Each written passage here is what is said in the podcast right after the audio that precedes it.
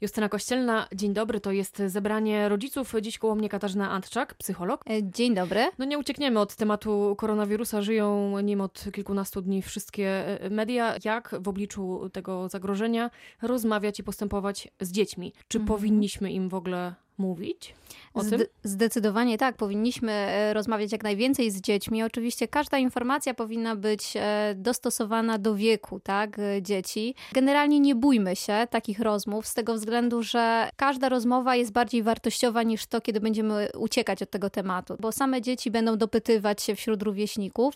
No i niestety, ale powiem szczerze, bardzo, bardzo negatywnie skutkuje z tego względu, że dzieci w swoim otoczeniu wymieniają się bardzo, bardzo różnymi informacjami informacjami i bardzo negatywnymi. Czyli wśród dzieci, rozumiem, też e, funkcjonuje coś takiego jak w naszym dorosłym świecie, funkcjonują fake newsy i plotki. Zdecydowanie tak e, i, i nie ukrywam, że bardzo często nawet e, w, w pierwszym kontakcie z pacjentem, a zwłaszcza tymi lękowymi, pada pytanie pani Katarzyno, pani Kasiu, czy koronawirus istnieje?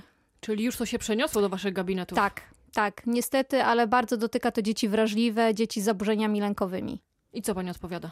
Nie ukrywam tego faktu, tak, przed dziećmi. Natomiast staram się e, je w pewnym stopniu uspokajać, tak. Staram się tutaj mówić o tym, e, żeby, żeby też e, jakoś nie popadać w taką panikę i, i że jakiś, zawsze mamy jakąś kontrolę nad tym, co się dzieje. Żeby mówić o tym spokojnie, sami musimy być spokojni. Tymczasem z, tak. wielu z nas dorosłych, no, też się obawia, bo nie wiemy tak naprawdę, co przed nami. To zanim e, porozmawiamy o tym, jak uspokajać mm -hmm. dzieci, może mm -hmm. dwa słowa o tym, jak nas, dorosłych, y, ukoić trochę w tym mhm. strachu.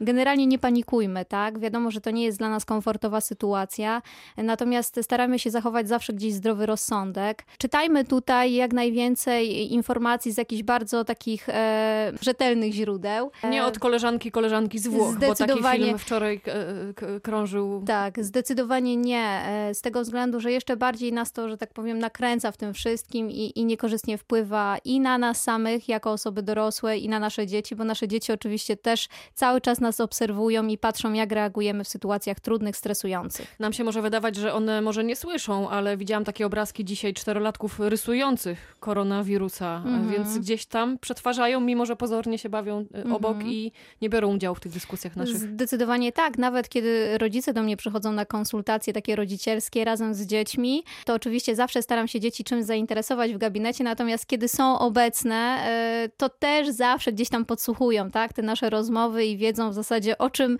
o czym jest tutaj mowa i czego problem dotyczy. Czyli co, my dorośli parzymy sobie melisę, tak, uspokajamy tak. się i przechodzimy do rozmowy z dziećmi. A o tym, jak to robić, porozmawiamy w drugiej części. Zapraszam serdecznie.